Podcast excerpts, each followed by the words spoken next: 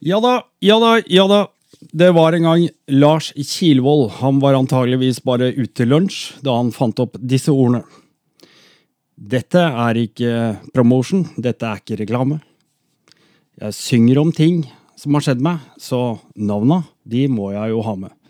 Og dermed så ønsker jeg selvfølgelig bare hjertelig velkommen til nok en episode av Rally Nord podkast.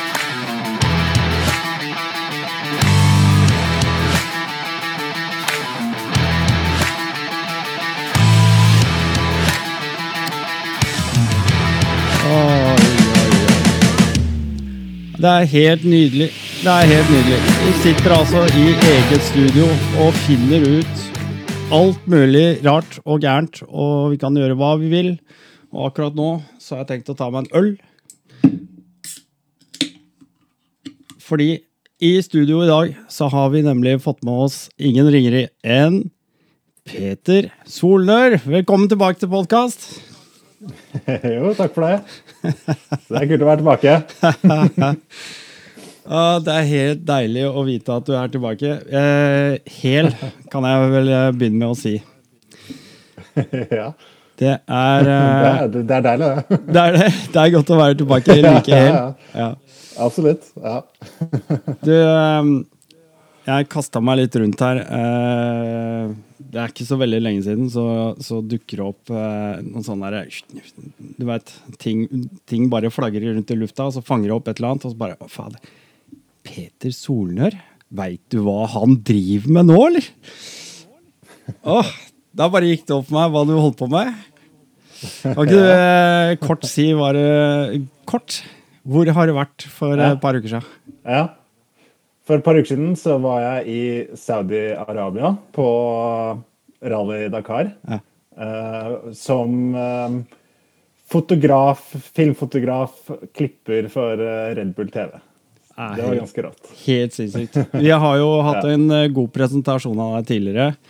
Vi vet, de som har hørt på podkasten en stund og fått med seg og bincha hver, hver eneste episode, selvfølgelig, veit jo det at uh, du er uh, foto... Altså, du jobber med TV, video, film, uh, den type ting. Så Mm.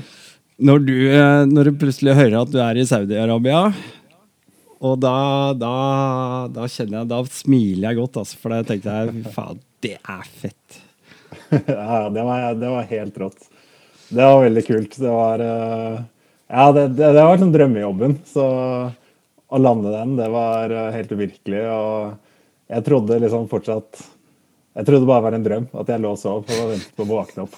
Og så var alt bare Ja, alt var en drøm. Men uh, hvis det er en drøm, så er jeg fortsatt i den. Jeg er ikke våknet opp fra den ennå. Jeg var i Saudi og fikk se sirkuset og dokumentere, så det, ja, det var veldig gøy.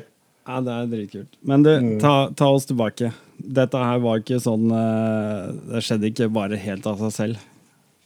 Nei. Hva har, Nei, du- hva har du gjort egentlig siden sist vi prata? Har, har det blitt noe kjøring og sånn i fjor, forresten? Altså, Skjedde det noe mer etter ja. vi snakka i fjor? Skal vi se, vi snakket vel uh, rett før sommeren, kanskje. Ja. Uh, og så det har ikke blitt Det har blitt litt for lite kjøring, det har det blitt. Men uh, det har blitt noe. Litt i Norge. En liten tur i sommerferien til Sverige med noen kompiser. Det var veldig gøy. Um, og så var jeg i Portugal i en liten uke, noen dager, og kjørte på en sånn uh, rallyskole. Som også var veldig kult, for de har uh, sykler og um, de lager roadbooks og greier, så du kan dra ut og kjøre på leiesykler og uh, ja, trene. Veldig bra. Veldig kul, uh, kul terreng, kul kjøring. Kult, da. Ja, så det var, eh, det var kult. Men det var egentlig sånn Det var egentlig det. Så Altfor alt for lite kjøring, men den kjøringen som det ble, det, det var veldig bra, da. Det var det kvalitet over. Det var kvalitet. Det var liksom Det var, ja, der. Ja. det var kvalitet over kvantitet i høst, altså. Ja. Ja. så det var fint. Ja. ja. Men du møter noen folk underveis, da? Ja, jeg um, møtte på jobb i Trondheim i sommer. Ja, det var vel sent sommer. um, jeg jobber på rallycross-verdensmesterskapet for TV-produksjonen der. Og de har et stopp i Trondheim, på Hell. Så jeg var der, og der så jeg en kar som er programleder i Red Bull TV, og som har vært programleder i uh, Dakar Daily, det um, programmet som Red Bull har laget fra Dakar de siste årene. da. Så, og jeg har fulgt det programmet uh, hver Dakar og kjente han igjen. og um, ja, ble helt starstruck på en måte at han, at han, var der. Men han var der med, med Red Bull og lagde, de lagde sine egne greier på dette rallycross-eventet. Uh, så jeg bare snakket med han og prøvde å bli litt kjent med han, og møtte han flere ganger da, fordi vi eh, reiser rundt i Europa med rallycrossen og lager TV av det. Og, så jeg har møtt han noen helger i høst, da. Og så sa jeg bare til han at uh, jeg uh, jobber med film og digger uh, Dakar og rally og kjører litt selv. Og hvis du trenger en kaffegutt eller en assistent eller hva som helst, så vil jeg bare bli med til, ja, til, Saudi hva som helst. Han var litt sånn eh, Ja, kult. Det skal jeg prøve å huske på det. Bra. Ja. litt sånn bare ja. Du er liksom ikke den første som har spurt? på nei, måte. Nei, ikke sant. Så jeg føler sånn Fader, det, det pitchen der kunne jeg sikkert gjort bedre. Eller det, den, den traff ikke helt. Og så prøvde jeg å snakke litt mer med han noen flere helger og uh, sånne ting. Og så um, ja, var det en middag uh, da vi på det siste stoppet i rallycrossen for sesongen i uh, Barcelona. Så spurte han meg ja, er du, jobber du virkelig med film, er du, kan du noe om rally og ting og tang? Og bare spurte litt sånn kontrollspørsmål. Og så sa jeg bare ja, ja, det, det gjør jeg. Jeg kan, jeg kan alt og ting og tang. Og sa han ok, vi trenger kanskje en fyr, så bare send, send meg en søknad, så skal jeg se. Så skal jeg videresende til produsentene og sånne ting. da. Så rett hjem på hotellet og skri skrive søknad og sende over showreel og tidligere jobber og greier. Og så likte han det, så han videresendte det til produsentene. Uh, og så gikk det nesten to uker uten at jeg hørte noe som helst, så da var jeg veldig redd for at uh, ja, det, ja det, dette blir nok ikke noe av. Og så tenkte jeg det er kanskje like greit, for dette her er litt sånn uh, vanskelig krevende jobb og litt liksom et step up på over det nivået jeg vanligvis jobber på. da, så, Og jeg la på litt ekstra sånn da jeg sa at ja, dette takler jeg. og... og ja. Skal vi se. Så. Skal sitte litt mer sånn her, sånn at den ikke ja, nei. får bak. Nei, og så, så, tenkte jeg ja, kanskje det er like greit. Og så, men det kom en mail fra de produsentene og sa de ville ha et møte. Og så tok vi et møte, og så fikk jeg jobben, da. Så, men hva gjorde du? altså Litt sånn, Må jeg bare holde deg igjen litt her. Eh, I mellomtida, når du har sendt den derre uh, livepitchen din, eller hva du kalte den, mm. så, og, så, går det to uker. Hva, hva gjør du i mellomtida da? Sitter du og leser deg opp på Red Bull TV og hva de driver med, hvor de har vært, og ja. hvilke folk som er hvor, og deg, skaffer du deg litt uh, orientering, holdt jeg på å si? I mellomtida? Ikke så veldig mye, egentlig. Jeg føler jeg hadde ganske god greie på hva de drev med. Jeg hadde sett alle alle programmene de har laget fra Dakar de siste årene, og sånn, det har jeg sett før. det har jeg til og med liksom, Litt på sommeren så kan jeg finne på å bare se episode tre, fire og fem, fordi ja. jeg bare må ha litt Dakar-input igjen, ikke sant? Så, midt, på, midt på året. Og, så jeg følte jeg hadde greie på det. og um, ja, det ble, jo, det ble, litt sånn snoking og sånt, men uh, ja, ikke, ikke sånn altfor mye, da. Uh, det ble mer etterpå, da jeg fikk jobben, så var det sånn Oi, shit. Nå Men, men uh, bare litt sånn Jeg tenker på sånn Red Bull TV. Altså, vi, Red Bull er overalt. Altså, det er mm. ikke en fjelltopp de ikke har vært innom. Det er ikke en dal eller en ekstremsport de ikke har toucha på. Altså, vi kan jo nevne i fleng. Det er jo alt fra paragliding til fallskjermhopping og mm. ja, altså, Alt fra motorsport. Alt innen motorsport. Altså, de er jo overalt, da. Ja, altså, ja, de er det. Red Bull TV kan ikke være en liten produksjon, liksom. Det må jo være ja. altså, de, de, må jo dekke absolutt alt som foregår i verden. Ja, de, de dekker jo utrolig mye. Eh, de, de, er jo overalt, ser det ut som, som du sier. Og de har jo De bruker De har sine egne Et eget produksjons eh, i Red Bull TV men, uh, som gjør en del ting. Men jeg tror det meste av det det setter de ut til eksterne produksjonsselskap. Sånn var det også denne gangen i Dakar. Så er det et eksternt produksjonsselskap som blir hyret inn av Red Bull. Og så er det de som skaffer eh, crewet og sånne ting. Og så får de noen produsenter fra Red Bull da, som er med, og så et eksternt crew. da. Så um, ja. Men uh, det er veldig kult å være innenfor der, og siden de gjør så mye kult, så håper jeg at jeg kan gjøre eh, litt forskjellige ting for, for dem da, etter hvert. Ja, men det er jævlig fett. Jeg måtte bare ja. stoppe deg litt. Men du, du, blir altså innkalt til et møte, da? Ja. ja. Når, er dette? Ja. Når er det? Um, det var november, ja. Starten av november, kanskje. Ja.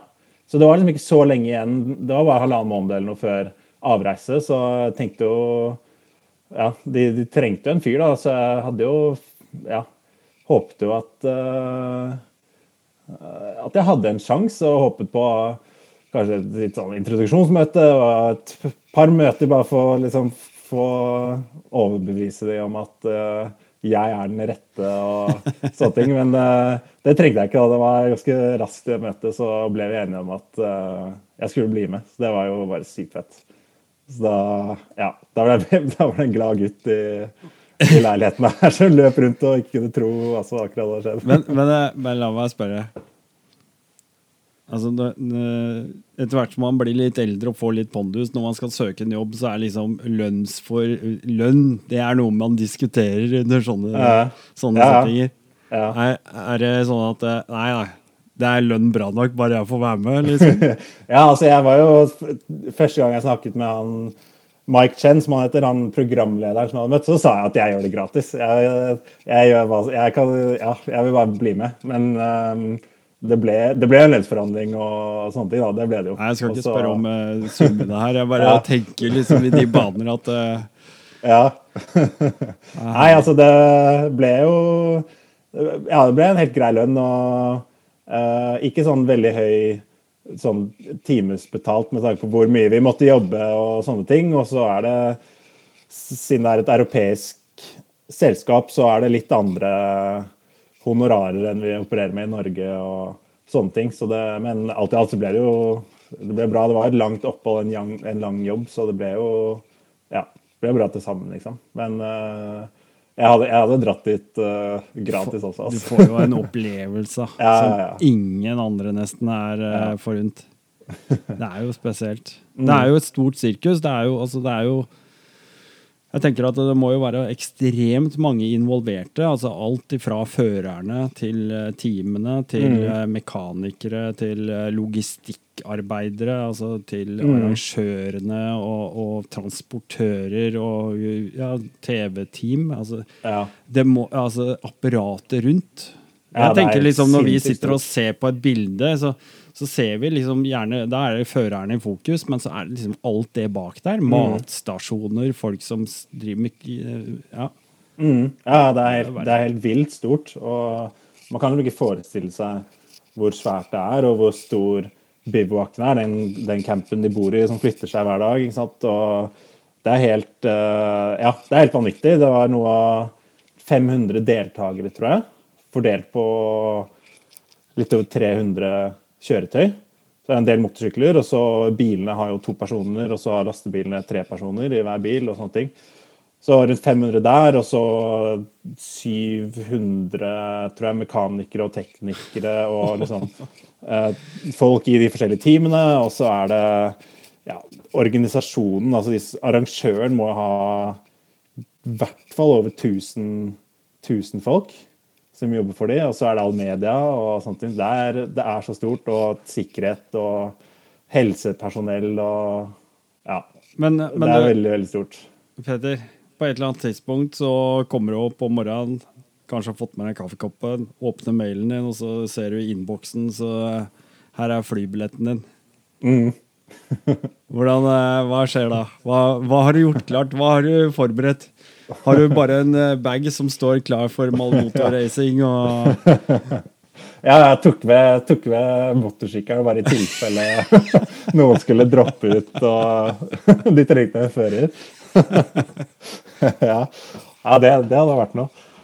Ja, nei, det var jo Det var jo å pakke og begynne å gjøre research på hva, hva som er lurt å ha i ørkenen, og hvordan man uh, best jobber i ørkenen. Sånn, tenk på sand og vind og ting og tang og alt det der. Og ja, prøve å finne litt sånn hva man måtte ha med. og hva vi plass til. Vi bodde på en buss, og der som vi kunne ikke ta med altfor mye. og Det ble liksom finne ut av ja, litt av de tingene der. Og ja, jeg begynte å lese meg litt opp og Kan jo mye om motorsykkelklassen i Dakar, men ikke så mye om eh, lastebilklassen f.eks. og SSV-klassen. Så begynte jeg å lese meg litt opp på det.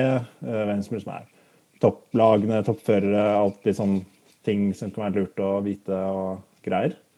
Um, ja. Og så bare ja, var det pakking og greier, da. Det var, det var veldig spennende. Det var en gøy tur å pakke for. Du bruker eh, kanskje jeg vet ikke, 14-16-18 timer ned dit? Um, det var vel ikke så mye. Nei, det er, nei, det flyr ned sånn. Ja, Fire-fem timer til uh, Istanbul, ja, og så fire eller noe, fire timer til Stemmer. Jeddah. Mm. Mm. Og så lander du der, da. da er, ja. er du aleine da, eller? Da er jeg alene. Um, er, jeg er alene på flyet. Eller det er noen, noen fra crewet var på flyet, men jeg visste ikke hvem de var og sånne ting. Så de møtte jeg på flyplassen uh, i Jeddah. Og så var det en del Dakar-førere og sånt på flyet. Det var uh, veldig mange med gensere med masse logoer på, sånn som var kult. Og møtte noen som jeg har fulgt fra tidligere og snakket litt med de i gaten og sånt som var gøy. og så det var liksom eh, Det begynte liksom der, da, på, på flyplassen i Istanbul, i, eh, i gaten her. Så det var, det var kult. Og så Jeg landet vi i Jeddah og um, møtte noen av de andre som var i crewet vårt i Red Bull, som var på samme fly. Og så dro vi til flyplassen og Nei, jeg mener til eh, hotellet, flyplasshotellet, hvor vi sov en natt. Eller bare noen timer. Vi kom veldig sent, og så var det opp tidlig neste morgen og kjøre til Sea Camp, som var uh, noen timer nord opp på um, vestkysten da, av Saudi-Arabia. Så um, ja, det var en veldig kort natt, bare et par timer, men var veldig gira for å, komme i gang og møte gjengen og sånn, så det, det overlevde vi bra. Så um, Da Er det bare Red Bull til frokost, og så møte ja, ja. Nei, faktisk. Det tok noen dager før vi fikk Red Bull, faktisk. Det var, ja, ja, den, jeg vet ikke om den, det var forsinka ned til Saudi eller et eller annet sånt. Det var ingen Red Bull i kjøleskapet på mange dager, så det var litt, det var litt dårlig, faktisk. ja, ja. Og de, de tenkte vel at vi, vi, trenger det mer mot slutten, når vi er litt uh, utmatta og utbrent, så da ja. sparte det til det. Litt større effekt også. ikke sant? Ja, ja. Mm. Nei, det er herlig. Mm. Ja, Du møter opp da daglig, og så på morgenen så møter du teamet. Hvor mange var dere i dette crewet da? Vi var elleve stykker. Ja. Så det var um, Skal vi se To, tre, fire produsenter. Da har han programlederen, Mike Chen, mm -hmm. som også er litt sånn produsent, da. Mm -hmm. Som lagde Så han var liksom ansvarlig for Dakar Daily, som er det den daglige episoden som ja. Red Bull lager på sånn ti minutter eller noe sånt. Ja, den som ligger ute på YouTube, den du går mm, Ikke på YouTube, men på Red Bull oh, ja. TV-appen. Okay. Ja, så der er det da um, liksom høydepunkter fra dagens etappe i hver klasse. Så det er liksom mesteparten av den episoden. Og så er det en liten sånn reportasje i, i midten da, som uh, vi lagde hver dag. Det var litt sånn forskjellige ting. Det kunne være noe intervjuer med en toppførere, eller noe sånn uh, At man skal dra og se på Se på en bil eller se på en motorsykkel, eller bare litt sånn behind the scenes-greier. på en måte da. Så Det var en sånn daglig episode som vi lagde hver dag. så han var ansvarlig for den, og så var det en produsent som var ansvarlig for YouTube-innholdet vi lagde. Så det var bare enkeltvideoer. Uh, Fire-fem enkeltvideoer vi lagde underveis. Um, som var f.eks. Eh, en film om uh, Skyler House, Huskvarna-føreren og hans sykkel. Og en video om Dakar Classics og de kuleste bilene i den kategorien. Sånne ting. Han var ansvarlig for det. Og så var det en produsent som var ansvarlig for um, Dakar Stories, som vi kalte det. Som var på en måte sånn minidokumentarer på sånn ca. ti minutter, hvor de fulgte um, spesifikke førere da, noen dager, og lagde en slags sånn minidokumentar om den føreren, og som ble lastet opp underveis i løpet. Da. Så det var de produsentene, og så var det um, klippere, fotografer og to som meg, som gjorde både um, filming og klipping, da. Mm. Og så ja, hadde vi et par sjåfører som uh, var fra Saudi-Arabia, som kjørte sine egne biler kjørte oss rundt for hvis vi trengte drasseder. Og så var det to bussjåfører da, som kjørte bussen vår på skift. Så ja, totalt var vi vel sånn um, 14, da, eller 15. Men uh, i selve TV-crewet så var vi 11. En god gjeng fra, fra hele Europa. Liksom Slovenia og England og Tyskland og, og ja, Spania. Norge, Sverige. Jeg trenger vel ikke å spørre om da at eh, stemninga var super og alle var like gira? Og... Ja, ja, det var god. Det var veldig god stemning, kule folk. Og det er jo viktig, fordi vi bodde på en turnébuss. Um, og da var det Det var jo veldig trangt. ikke sant? Vi, vi sov i den bussen, og, og, vi jobbet i den bussen. Så vi var i den bussen nesten hele tiden. Um, så det var, det var, viktig at det var liksom god stemning, og de hadde Ja, jeg tror produsentene hadde valgt uh, sånn kule folk som passet bra sammen. da. Uh, så bra. Så var det uh, morsom gjeng og mye mye kødding og guttastemning og ja. sånn da, på, da vi var tre uker sammen. ikke sant? 24-7. ja. Åh, stilig. Det er, mm. Eh, det er herlig, ass. Um, mm. Jeg tenker på det er ja Du kommer ned, og så, og så møter du det her. Åssen er Du kommer jo altså fra temperaturer da, som på den tida her er ganske minus. Mm. For det var jævlig kaldt uh, i midten av desember, eller slutten ja. av desember, når du reiste ned. Ja, det var det. Åssen var den overgangen i forhold til ja, temperatur jo... og sånn? For det er jo litt varmere, i hvert fall på dagtid. Ja, absolutt. Det var, det var veldig varmt på vestkysten her. Der var det eh, ja, nesten 30 grader, så det var jo det var en liten overgang. Det gikk greit. Um, men det ble jo mye solkrem, måtte bare drikke masse og bruke solhatt og sånn. Så var det veldig varmt å sove de første dagene og litt sånn å venne seg til liksom, den senga og ja. når det er så mye folk der og alt mulig. Så det var jo litt sånn uh, Sov ikke så veldig godt de første Mye sure sokker og Ja, ja, ikke ja, sant. Herlig. Så det, det, var, det, var, litt å venne seg til. Det var det. Og så etter noen dager, da vi dro videre inn i landet fra fra Seacamp der, hvor vi hadde vært noen dager, så ble det en del kaldere. Ja. Så da var det ja, Enkelte dager var det bare sånn tolv grader på dagtid kanskje, og ganske kaldt på nettene, og mye regn. og det var, litt, sånn, det var litt surt vær også, altså. Det var det. Når dere gikk rundt, uh, gikk rundt, blant førere og teamene og generelt, mm. var stemninga i forkant før eh, løpsstart? Altså, ja gå folk med høye skuldre og eller liksom er, Hvordan er stemninga? Den er ganske avslappet, egentlig. Ja. Um, det var um, Ja, det var det. Sånn, første dagen så dro, dro, jeg ut for å filme litt. Jeg skulle bare filme litt sånn diverse greier, og så ble jeg sendt ut alene bare for å uh, ja, plukke litt uh, klipp av liksom biler som kjørte hit og dit, og kanskje litt mekanikere ja, sorry, mekanikere som uh, jobber på kjøretøyene sine og greier, og så dro jeg inn i KTM um, liksom KTM-campen, da, hvor KTM Gassgass og Huskvarna var. Jeg var litt usikker på sånn er det, De vet ikke hvem jeg er. er det, kan jeg bare hoppe over uh, gjerdet her liksom og filme? Og så gjorde jeg det, da. Så kom det en kar bort og bare introduserte seg selv. 'Hei, jeg heter Markus. Har, du lyst på en kaffe?' eller et eller annet. Så jeg så, ah, ja, gjerne. Veldig hyggelig. så de var jo superhyggelige og bare uh, Ja, alle var velkomne, og de har et godt forhold med Red Bull, og de lager masse film og video med Red Bull, så de, det var ikke noe stress og sånn. Og ja, så det var liksom Ja, alle, alle var veldig hyggelige. og det var ganske avslappa, og det var liksom Alle hadde tid da, til, til, til å bli intervjua eller å bli filma, og spesielt de litt mindre Eller de um, Hva heter de? Altså de som ikke er fabrikkførere, og de som bare er privateers, da, som deltar der.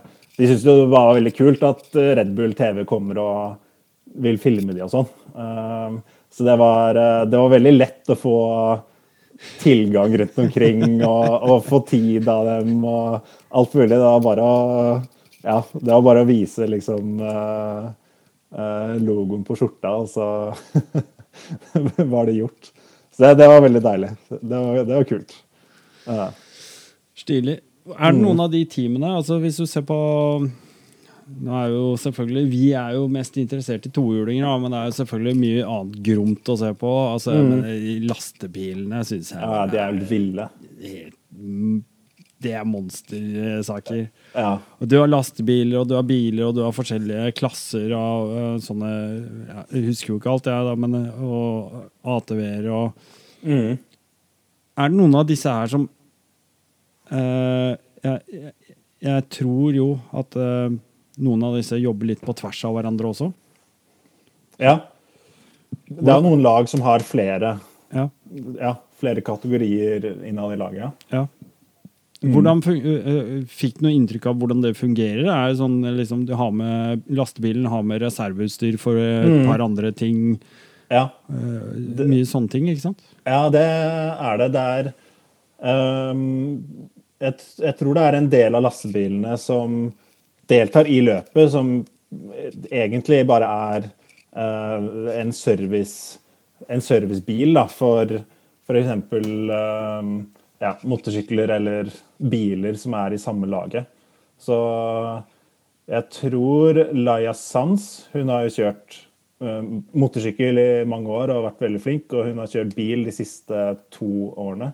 Hun hadde en episode um, litt ut i løpet hvor uh, ja, hun rullet bilen flere ganger og, og nesten totalvraket bilen. Da. Og da, da, tror jeg at en um, lastebil fra hennes lag som deltok i løpet, kom og, med reservedeler og begynte å reparere og sånt. da. Ja, så det er uh, en del av lastebilene som gjør det, og så er det Men jeg tror de fleste lastebilene ikke er sånne service, servicebiler. da, At de er rene konkurransebiler. Men en del av de er bare ja, servicebiler som blir, uh, som blir tatt med i konkurransen for å hjelpe resten av laget. Mm. Ja. ja. Det er jo altså Dakar, eller om det er Eco-race eller uh, andre store rally, så er det jo alltid Det er jo, det er jo selvfølgelig et, et plaster i forhold til at de største førerne i sine klasser møter jo her. Det er jo her de kniver, det er her de viser seg. Uh, Ullevålseter gikk jo bort fra Dakar en gang i tiden og valgte Eco-race uh, framfor det. Og, og, det er liksom Det er jo Det virker som at de forskjellige førerne spesialiserer seg litt, da, kanskje, på mm. noen av disse løpene også. Mm. Uh, men så ser vi jo også at veldig mange av de toppførerne ryker ut ganske tidlig. Mm.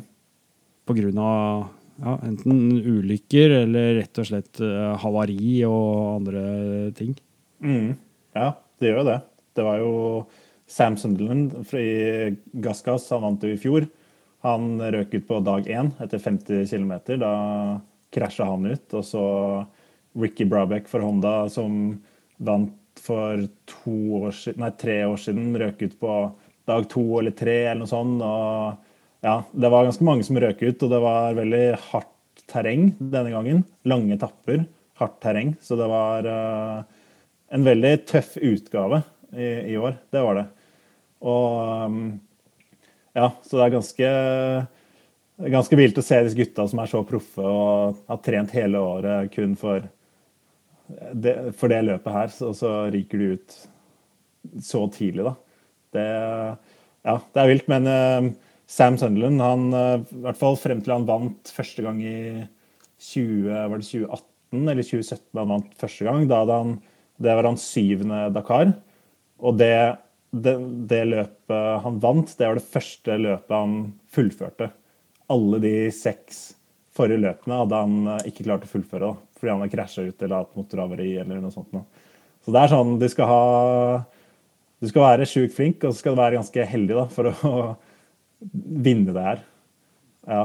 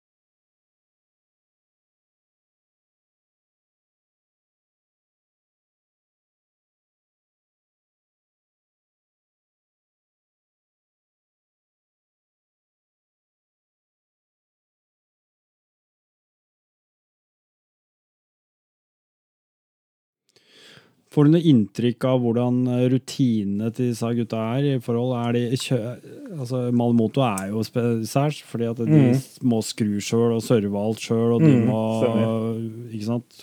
Hvor gjorde jeg luftfilteret mitt, og hvor er lappene? Mm. Jeg har glemt hvor de er. og ja, Bytte, bytte dekka og legge ny mos og alt. Ja. Det er jo altså det er jo ti ganger råere, det, egentlig. Ja, det er det. det, er det. De er uh, ja, det er jo de som er de tøffeste, da. Det er jo det. Men det er og... jo ikke de som kommer først. Nei, altså, det, er nei, det, er det, de, det er fokus på, stort sett. Nei, nei altså, det er jo de er jo ikke De, er, de har ikke sjanse til å vinne, nei. fordi de må gjøre alt selv. ikke sant? De, er jo, de får så lite søvn, og de klarer ikke å ha sykkelen i tips opp stand gjennom hele løpet. Og, så de, og de må, de må kjøre mer forsiktig, fordi ja, de må Ta vare på utstyr. Må, kanskje ja, må vare dekka må vare litt lenger, kanskje. Ja, og, og bare sykkelen og alt, ikke sant. Så de er jo Det er umulig for de å vinne. Og det er jo de uh, ja, toppførerne, factory-førerne, som er Det er de som vinner, og det er de som har mest backing og support. og hvor det blir investert mest. da, Og det er de som legger igjen desidert mest penger òg til arrangøren. Fordi de har de har så utrolig store team. De har, hver sykkel har to mekanikere, og de har XF-teknikere og, og demperfolk, og de har kokker og fysioterapeuter og leger og alt mulig. ikke sant? Og hver eneste av de personene her og hver eneste servicebil de har, koster mange mange tusen kroner å ta med inn. Så er der pengene ligger. En Malemoto-fører er uh, betaler bare for seg selv, ikke sant. Og arrangøren må til og med stille opp med lastebil og telt og den boksen deres og sånne ting for at de skal være med. Så det er ikke, noe, det er ikke så mye penger å tjene på de, så da blir det vel ikke de som liksom er mest uh, fronta heller, da. Men uh, før så har det jo vært sånn at Malemoto uh, podiet ikke har blitt vist på livestreamen engang, på avslutningsseremonien. Det vet jeg ikke hvordan det var i år, da, men det husker jeg arrangøren fikk en del pepper for. da at uh, ja, den tøffeste klassen ikke får uh, bli vist. Uh, første, andre og tredjeplass. Få premiene sine på slutten. Det er jo det er litt synd. Men ja. Får håpe de har, at de gjorde det annerledes i år. Det fikk jeg ikke med meg. Nei, men det er jo litt sånn det er. Mm. Det er vel mm. egentlig det. Ja. men, men, jeg tenker på hva, hva, gjorde mest inntrykk på deg av disse hvem? Var det noen spesielle, et eller annet team, en eller annen en eller annen spesiell figur eller et eller annet En eller annen som gjorde, mest inntrykk på deg? Mm. Jeg ble litt kjent med en male motfører som heter Simon Marcic fra Slovenia. Uh, han har jeg fulgt litt før, fordi han har en ganske bra YouTube-kanal hvor han har lagt ut mye rallyvideoer og sånne ting. Og har konkurrert Dette var hans niende Dakar, så han har jo konkurrert veldig lenge. Og ja, er en kul person. Så han, uh, han ble jeg litt kjent med der, og det var veldig kult. Han er ja, skikkelig tøff fyr og har vært igjennom mye på alle disse løpene. og den ene dagen på jeg husker ikke hvilken etappe det var, etappe fem eller seks, eller noe sånt, så um, ble mossen hans ødelagt. Så hele dekket bare ja, gikk, av, gikk, av, felgen. Så måtte han kjøre 100 km i ørkenen. Det ble film. Hva sa du? Det kom på, det kom på YouTube. Ja, ja, det gjorde det. Ja. Um, og det var jo veldig rått, da. Og um, han uh, snakket med ham om det, så var det sånn Ja, ja, det funka bra, liksom. Det var uh, ja, ja, 60 km i timen. Det var, det var bra. Det var bedre grep enn du tror. Og var, var helt gira. og ja. var liksom, sa, tenkte sånn Å, nå Hvis jeg ruller inn i bybåken sånn her, da, da, kommer de til å filme meg, og det blir jævlig kult og sånn. Og så skjønte han sånn Nei, det, det kommer ikke til å gå. Han uh, for siste del av etappen var ekstremt høye, bratte sanddyner. Så han var sånn Shit, det det går ikke. Så han fikk et, et uh, nytt hjul da, med dekk og sånn fra en annen fører som hadde havarert. Så han fikk fullføre etappen på ja, et ordentlig dekk, og det sa han var lurt, bra, da, fordi det hadde ikke gått uten det. Så, så, det var jo kult, da, kult å høre fra han. og um, Snakket med han en stund i maratonbivuaken. Da var det um, litt eh, andre, andre forhold. Kom, det var veldig, veldig, mye mindre bivuak, så det var, man kom mye tettere på alle førerne og sånt. Så da uh, ja, spiste jeg middag med han og snakket en del med han og fikk en del tips og liksom delte liksom, ja, kjøretips og alt mulig sånn. Det var veldig kult og fløy med han um, hjem igjen fra, fra, Saudi til Istanbul og sånn. Så det var, det var en veldig kul person. Det var en, det var en kul fyr. Og så um, Vi lagde Ja, vi lagde også film med en brite som heter James Hillier, som har kjørt Isle of Man mange ganger.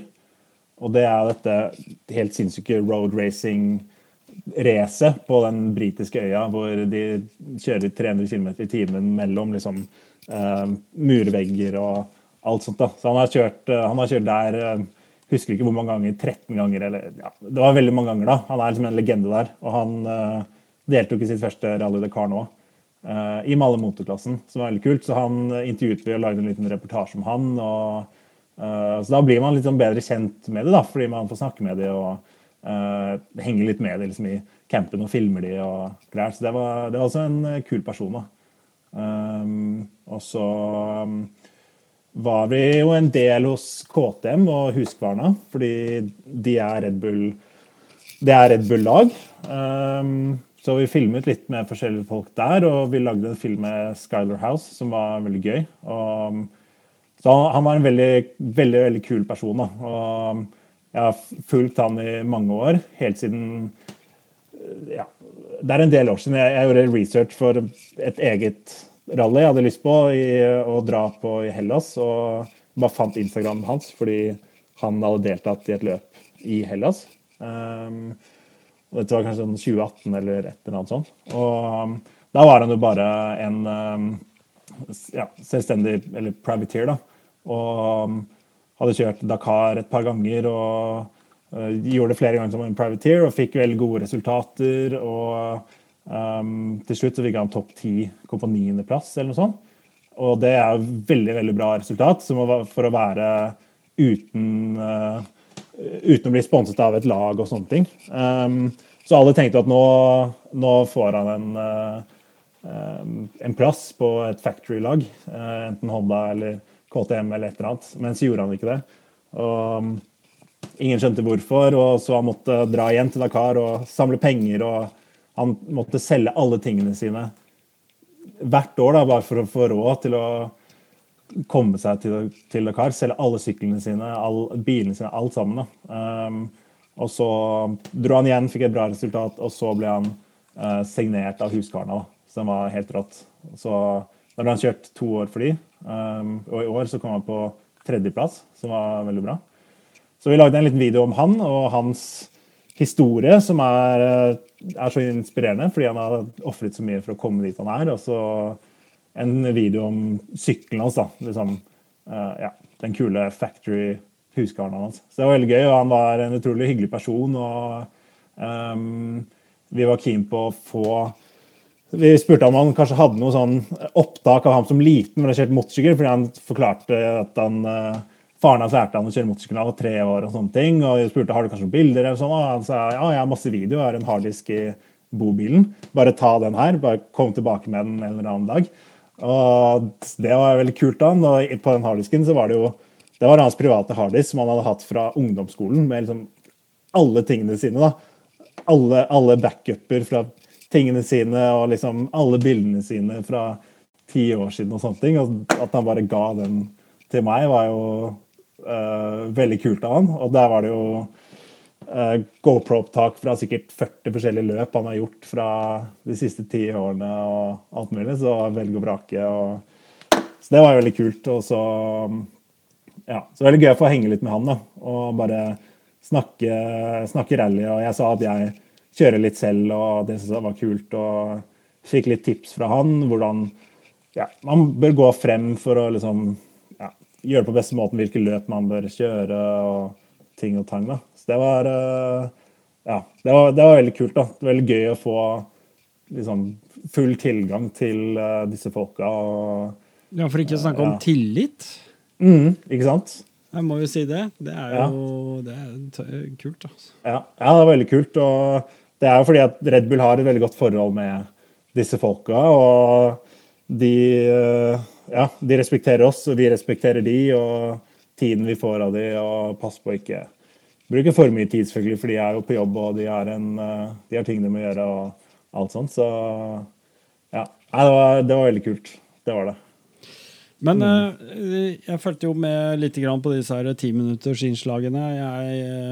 Men, men uh, det er klart at eh, når du åh, nå må jeg sjekke, nå må jeg inn på YouTube og se hva som har skjedd nå, og få noen mm. ferske oppdateringer og, og, bilder og sånt noe. Mm.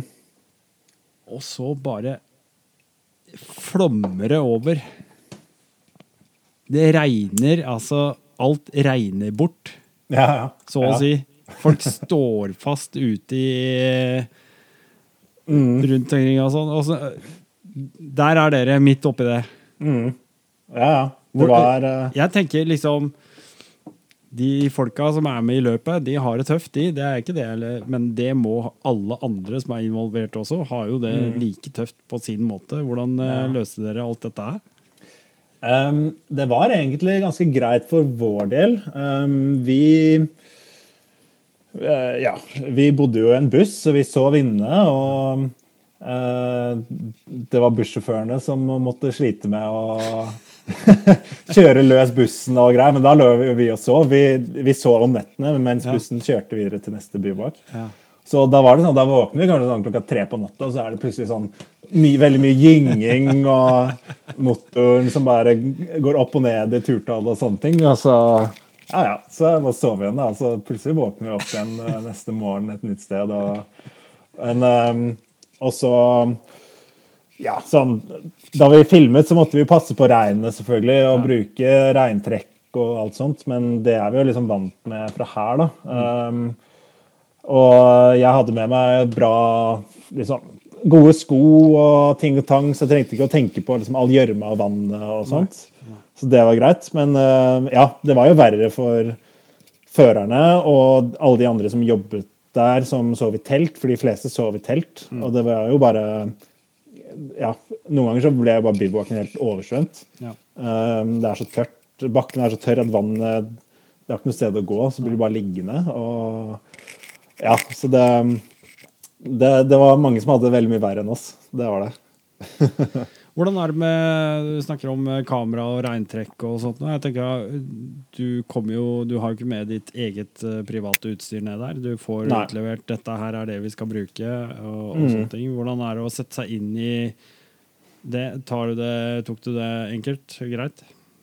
Ja, det var ganske greit, egentlig. Jeg visste hva vi skulle bruke. Ja. Uh, så jeg leste meg litt opp på det utstyret hjemme. Og så, og så eh, ja, var det en del av de andre gutta som hadde brukt eh, det kameraet sånt før, da. Så da eh, kunne vi dele litt tips og sånn i forkant mens vi var der. Um, så det Ja, det gikk greit. Men jeg var veldig glad for at jeg ikke hadde mitt eget utstyr, da. For det var Det er jo så mye sand og vind og støv og sånne ting. Og hver dag måtte vi jo liksom rense Eh, rense linser og kamera og blåse bort støv og alt mulig sånn. Men det var, sånn, det var ikke mulig å bli kvitt alt. Så de um, ja, utleieavdelingen i Red Bull i Østerrike, de, de, får seg virkelig en hard jobb når det utstyret kommer frem. og det skal renses og sånn, altså. Det er jeg veldig glad at jeg slipper å gjøre. ja. Nei, Det er så fett å høre, og det er, eh, det er så kult at eh, liksom eh, lille Norge plutselig mm. i, en, i, et sirkus da, som er Altså, det er liksom det største du kan gjøre med rally. Det er Dakaret. Og mm. Dakar er liksom, har jo vært så lenge at nevner du det, så er det Ja. Det er, det er som å nevne Tour de France for de som sykler, da. Mm. Altså, ja det er akkurat samme storheten. Ja. ja det er jo det. Hvordan det, eh, Ja. Hva, hva, skjer, eh, hva skjer nå framover? Er Hører du noe mer fra dem, tror du? Eh, ja, jeg håper det. Eh, jeg, jeg, gjorde en bra jobb der, føler jeg. Og jeg var, um, jeg var den i crewet som kunne mest om rally og de forskjellige førerne og lagene og alt sånt. Så det, det hjalp en del, og det var liksom ja. Det, Jeg tror det gjorde meg til en god eh, person i crewet, da. Um, og ja, produsenten sa at de, jeg er på lista for uh, videre jobber. Og så, så jeg håper jeg får noe igjen snart. Og mm. at jeg i hvert fall får dra tilbake igjen neste år. Ja, ja. Um, det håper jeg. Um, mm. Så det, det har vært kult. Altså, men uh, ligger det litt i kortet at du kan være med på andre ting også, da, eller? Mm. Siden du sier det sånn? Ja. De gjør jo mye forskjellig, disse produsentene. De, ikke bare motorsport, men ja, veldig mye annet forskjellig sport og sånt. da. Så det, det hadde vært veldig kult. Og de, de, er jo rundt i hele Europa og hele verden, så det uh, hadde vært gøy å få gjøre litt, ja, litt andre jobber. Og, men gjerne mer rally også, da. Eh, de er jo De reiser rundt på dette rally um, liksom Rally Raid verdensmesterskapet, da, som er i Dakar og Abu Dhabi og Marokko og sånne ting. Så det er veldig kult å bli med på ja, noen flere av de og bli en litt ja, fastere del av crewet. Det har vært veldig kult. For det er Det var veldig gøy å få kombinere ja, lidenskapen for film og eh, motorsykkel og, og, rally på den måten. Da var det ja, da, da, var det så gøy å jobbe, og eh, det, det, kan uh, ja, Det føltes ikke ut som jobb engang. Det føltes ut som vi var og hadde det gøy. Og, og, ja, så det, det var veldig gøy, så det er jeg keen på å gjøre mye mer av. Og bare, gjerne bare gjøre det. Det har vært, det har vært helt rått. Ja, ja. så Uh, ja, det var, eh, det, var, det var, kult for å oppleve. Stilig. Mm. Men uh, fortell litt om uh, hva, hva, snakket, Vi har snakka om inntrykket fra bivakken og folka og teamene og sånt, men altså Du er jo i et område som for, så vidt jeg veit, for deg er ukjent da, fra tidligere. Mm. Altså, det er ukjent territorium. Uh, Abu Dhabi er Det er jo ikke som å dra ned til eh, ja, Østfold, liksom. Nei. Det er ikke Nei, ikke sant. Ja. Det, det var et nytt, uh, nytt sted, ja. Saudi-Arabia. Det var uh, Jeg hadde ikke vært der. Jeg hadde ikke vært i uh, noen arabiske land før. Så det var, det var veldig spennende å se. Um, så jeg var spent på det, og spent på folka og alt, da. Det var jo Det var ikke mange ukene siden uh, fotball-VM i Qatar uh, var heller, og da var det jo um, ikke liksom veldig positivt syn på på vertslandet og sånne ting. Og Saudi-Arabia er ikke akkurat noe høyere på lista over land med beste menneskerettigheter og sånn. Så jeg var jo spent på det, men uh, det var Jeg måtte bare reise ned med et åpent sinn og sånt. Og jeg ble jo veldig positivt overrasket over det, det vi så. Uh, det var jo ikke alt, selvfølgelig, men det vi så, var veldig bra. Um, folk var utrolig hyggelige. Jeg tror, jeg tror, det er de hyggeligste folka jeg har møtt noen gang. Og jeg har vært mye rundt, så det Men det er egentlig ingen som kan måle seg. Alle vi møtte liksom i, ute på butikken og på flyplassen og rundt omkring, og alle de fra Saudi-Arabia som jobbet i bivouaken, som var de, de fleste liksom i cateringen og, og sikkerhetspersonell og sånn, de var fra Saudi-Arabia. Og de var superhyggelige. Um, og politiet vi møtte og sånn, vi var ute på en etappe en dag, og da var det politi der. Og de skulle ha ja, lunsj eller noe, eller skulle drikke kaffe og te, så de hadde rigga opp um, liksom, en del sånn puter midt i ørkenen, og, og, de hadde med seg liksom alt for å lage kaffe og te, og de hadde ting og tang. da. Og da gikk vi bare forbi, og det var ikke snakk om at vi skulle gå forbi og ikke, ikke bli med de, Så det, vi ble invitert der og fikk kaffe og sånn. Det var veldig hyggelig, og de var veldig interessert og sånt. Det var kult. og det skjedde med flere andre crew også mens de var ute, med politiet. og uh, ja, Så det var bare veldig, veldig hyggelig, da. Det var det. Og de sjåførene vi hadde, um, som var fra Saudi-Arabia, de var veldig hyggelige. De kom vi jo ganske tett på, da, for vi var jo med de i tre uker. Og jeg fikk høre en del om um, hvordan eh, ja, det er å bo i Saudi-Arabia og leve der, og hvordan kulturen er og alt sånt. Og det var jo De mener jo at Vesten har et veldig misforstått syn da, på Saudi-Arabia, og at er ikke, ting er ikke så ille som vi skal ha det til, og det er ikke liksom um, offentlige henrettelser der, sånn som vi blir fortalt, og det er, uh, ting er ting er bra, da. Men det er jo fortsatt liksom kvinnerettigheter er jo ikke helt på topp, og de må, damene må jo gå med Er det nikab det heter? Helt, helt fulldekket og sånt. og jeg tror ikke fremmedarbeidere har det så veldig bra der. Hvert fall, det er sikkert sånn det vi, De skrekkhistoriene vi hører om fremmedarbeidere, er jo sikkert det verste av det verste. At det liksom, uh, det er nok ikke sånn at alle, alle fremmedarbeidere blir fratatt passene sine og ikke får betalt og dør og sånne ting. Men at det skjer, er jo ikke bra. Um, men sånn, etter å ha vært der, så tror jeg og håper at det ikke er så ille som, som uh, vi blir fortalt. da. Um, og jeg møtte den eneste nordmannen som var med i, i Dakar. Han var um, kopilot, altså navigatør, i en bil. Og han har bodd i Saudi-Arabia de siste tre årene. Så jeg møtte han på flyet hjem til Oslo. Og han, eh, ja, han mente jo også at det er veldig veldig mye bedre enn det vi tror. Og folk er så hyggelige, og de har bare lyst til å eh, ja, vise at de er gode folk og åpne landet sitt for, eh, for andre. Da. Um, så ja, det var veldig interessant å se, da. Det var det. Og så Det er mye som ikke er, ikke er på stell her når det kommer til menneskerettigheter og kulturen og sånne ting, men uh, ting blir jo litt bedre. Og det er, det er, det er ting, som, ting, som, skjer der.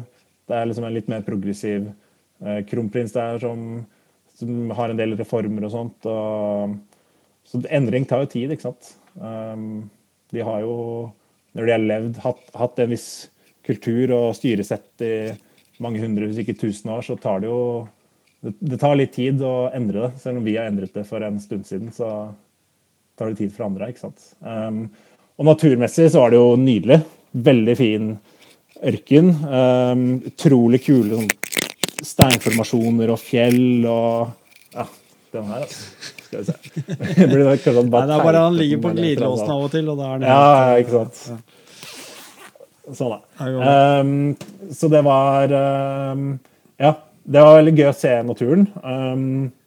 Og det ser jo veldig kult ut å kjøre motorsykkel der. Jeg var jo, Det kriblet så utrolig mye i, i gasshånda Ja, for å dra ut og kjøre. og da liksom kunne sitte med flere timer med helikopteropptak. ikke sant? Du skulle klippe ned til dette daglige programmet. Det, var sånn, det, det tok jo så lang tid å klippe, for jeg satt jo bare og, og så på. ikke sant? Jeg fikk en halvtime strekk med, med Daniel Sanders hvor han bare surfer gjennom, uh, gjennom sanddynet. Det var jo bare helt vilt. Eh, så det er veldig gøy å kjøre motorsykkel ut der. og um, men eh, kanskje litt sånn ensformig natur, da.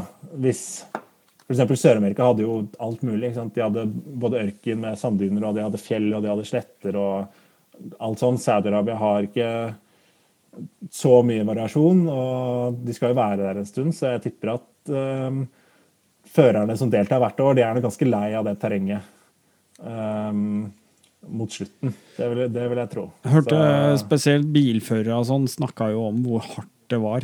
Altså at Mm. i, I forhold til tidligere, kanskje. Jeg veit ikke. ja. Men at, eh, at det steiner og sånt eh, som slo opp gjennom eh, sanda, som de ikke kunne se. ikke Mm. sant? Og, og Mm. at kroppen fikk så konstant mye juling hele tida. Ja. Ja. Ja, alle sa at det var eh, Ja, det var en skikkelig tøff eh, Skikkelig tøff eh, tøft år. Og det det var jo det var advart av arrangøren i forkant at i år så har vi laget et mye tøffere rally. og Det var jo lenger, det var to dager lenger enn det har vært de siste årene også.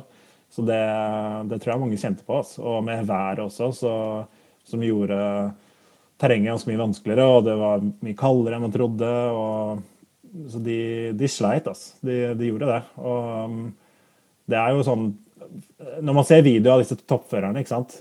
som er de beste av de beste i verden, og de surfer bare gjennom alt, det ser ut som at de, har det, at de bare har det gøy. ikke sant? De bare leker. Um, men så er det liksom de kuleste, de raskeste partiene som blir vist på YouTube, og sånn, fordi det ser kulest ut. Jeg tror ikke man ser alle de eh, ekstremt steinete partiene hvor de, hvor de kommer i krypfart, og det bare uh, framhjulet bare eh, treffer sånne steiner hele tiden. ikke sant? Det, det er ikke så mye sånt som blir vist, for det bare tar seg som ikke, det ser ikke like Det er ikke imponerende action nok. Nei.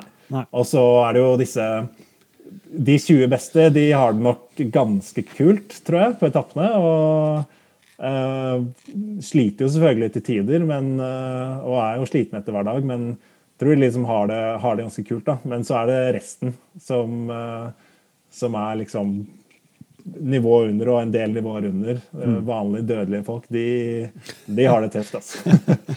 så vi intervjuet en um, Malemoto-fører som heter uh, Kirsten Landman fra Sør-Afrika. Ja. Og hun er uh, ekstrem enduro-utøver. En av de beste i sørlige Afrika. Og det er jo Ja. veldig tøffe greier. Og hun sa at den, den etappen hun akkurat hadde gjort, det var den hardeste dagen i livet hennes. Å, det er såpass. Ja, ja. Så um, det er uh, Ja. Det er uh, veldig, veldig, veldig krevende kjøring. Og når det er ikke bare én dag som er tøff, det er liksom 14 på rad, da, så er det Skjønner jeg ikke helt hvordan de får det til. Det er, det er helt vilt. Nei, det skjønner jeg godt. Mm. Åssen eh, åssen ser eh, 2023 ut for eh, Peter Solnør? I forhold til motorsykkel og Ja. rally og egne målsetninger. Um, det er det, det ser ganske bra ut. Driver og planlegger litt. Um, så det blir i april, starten av april, det blir i påsken, da, så skal jeg ned til Portugal igjen eh, på rallytrening. Um, og det er, eh, da skal jeg dra med fem andre kamerater. Så det blir veldig kult. Tre fra Norge og to fra Nederland. Um, og vel ingen av de har kjørt roadbook før, så det blir første gang for de. Um, og han ene har heller ikke kjørt offroad før, så det blir eh, veldig mye nytt for eh, han ene. Så det blir, eh, det blir veldig kult. Men det er bare så Det er et perfekt sted å kjøre, kjøre motorsykkel. Det er uh, den rallyskolen heter Wim Motors Academy, så jeg får bare plugge den litt, for den er skikkelig kul. Uh, hyggelige folk, og de har bra sykler. 450 fra Huskvarna med rallytårn, alt sånn. Send meg, send meg link til Ja, det kan jeg jeg legge, legge den ned i shownotes. Ja, ja, gjør det. Uh, de er veldig hyggelige, og de har noen enduroløyper på eiendommen sin, og så de og så er liksom eiendommen i mekka for uh, offroad-kjøring. Det er så mye kule grusveier og stier og sånn i området, og de lager veldig gode roadbooks og sånn. og Fint sted å bo, så vi skal være der i fire dager og kjøre. Så Det blir liksom starten på sesongen. Og så er jeg ja, rimelig sikker på at jeg drar tilbake til Hellas Rally i mai. Um, det um, tenker jeg å sende inn uh, innmelding nå denne uka. Uh, så det blir i slutten av mai. Syv dagers løp der. Uh, der var jeg jo i fjor, og det var veldig gøy. Det Blir det samme sykkelen, eller? ja, det blir samme, samme sykkelen. Um, prøve på den. Det er ja, litt sånn kul klasse å konkurrere i. Den M5-klassen for liksom 650 cc ensylindra sykler. Uh, litt for stor for terrenget, men uh, det er en litt sånn kul utfordring. Så um, det blir samme sykkelen der.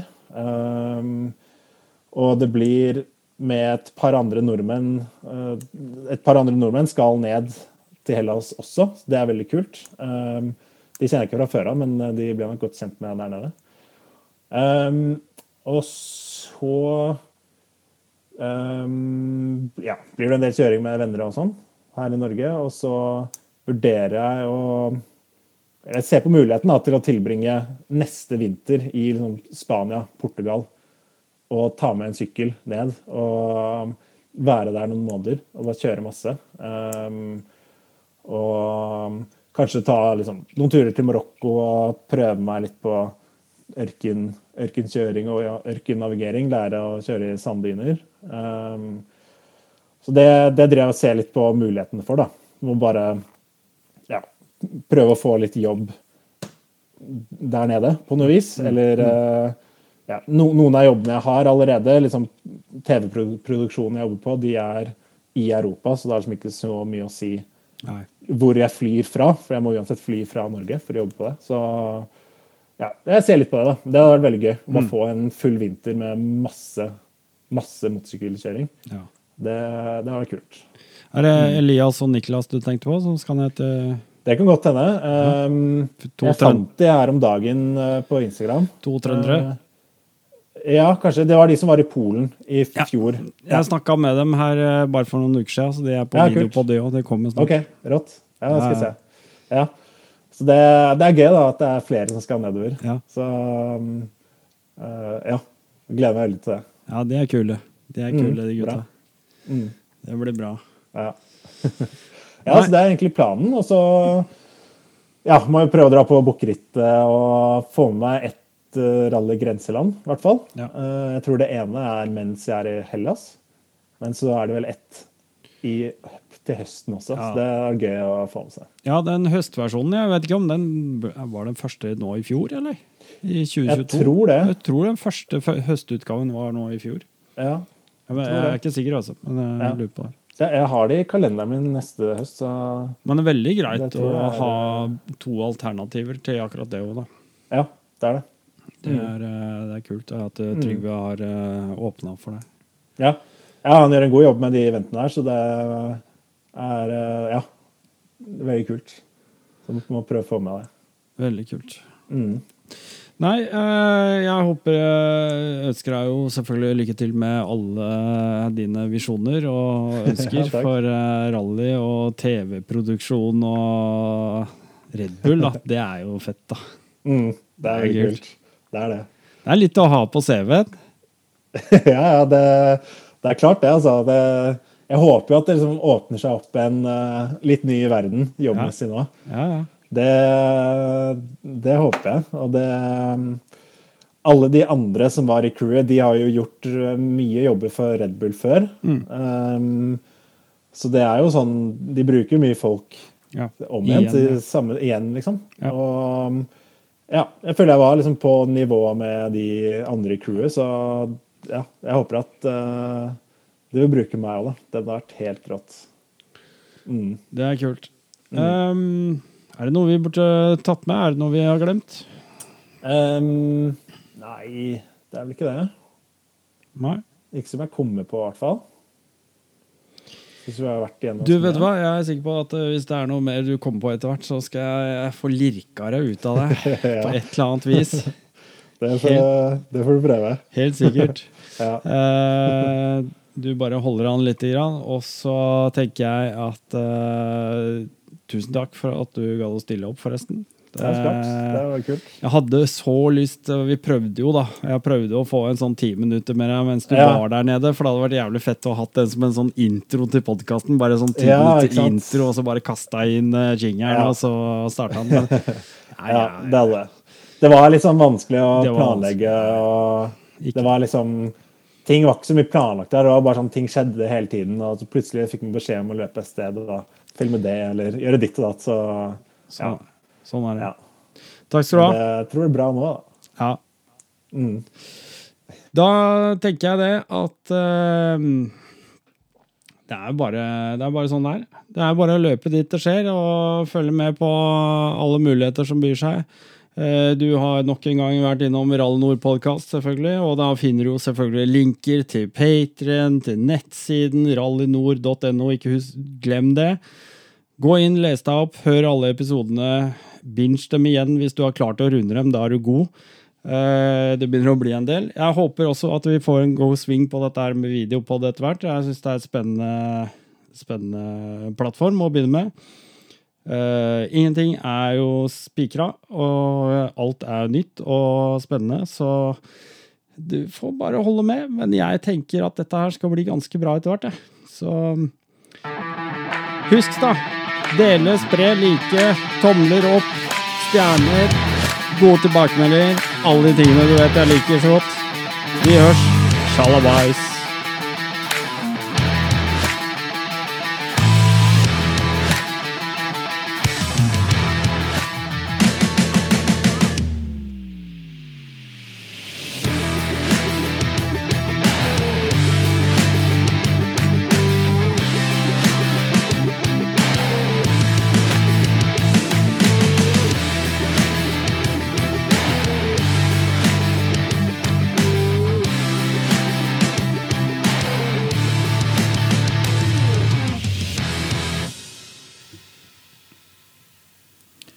Hei, dette er Geir Uklestad fra Offroad Turingklubb.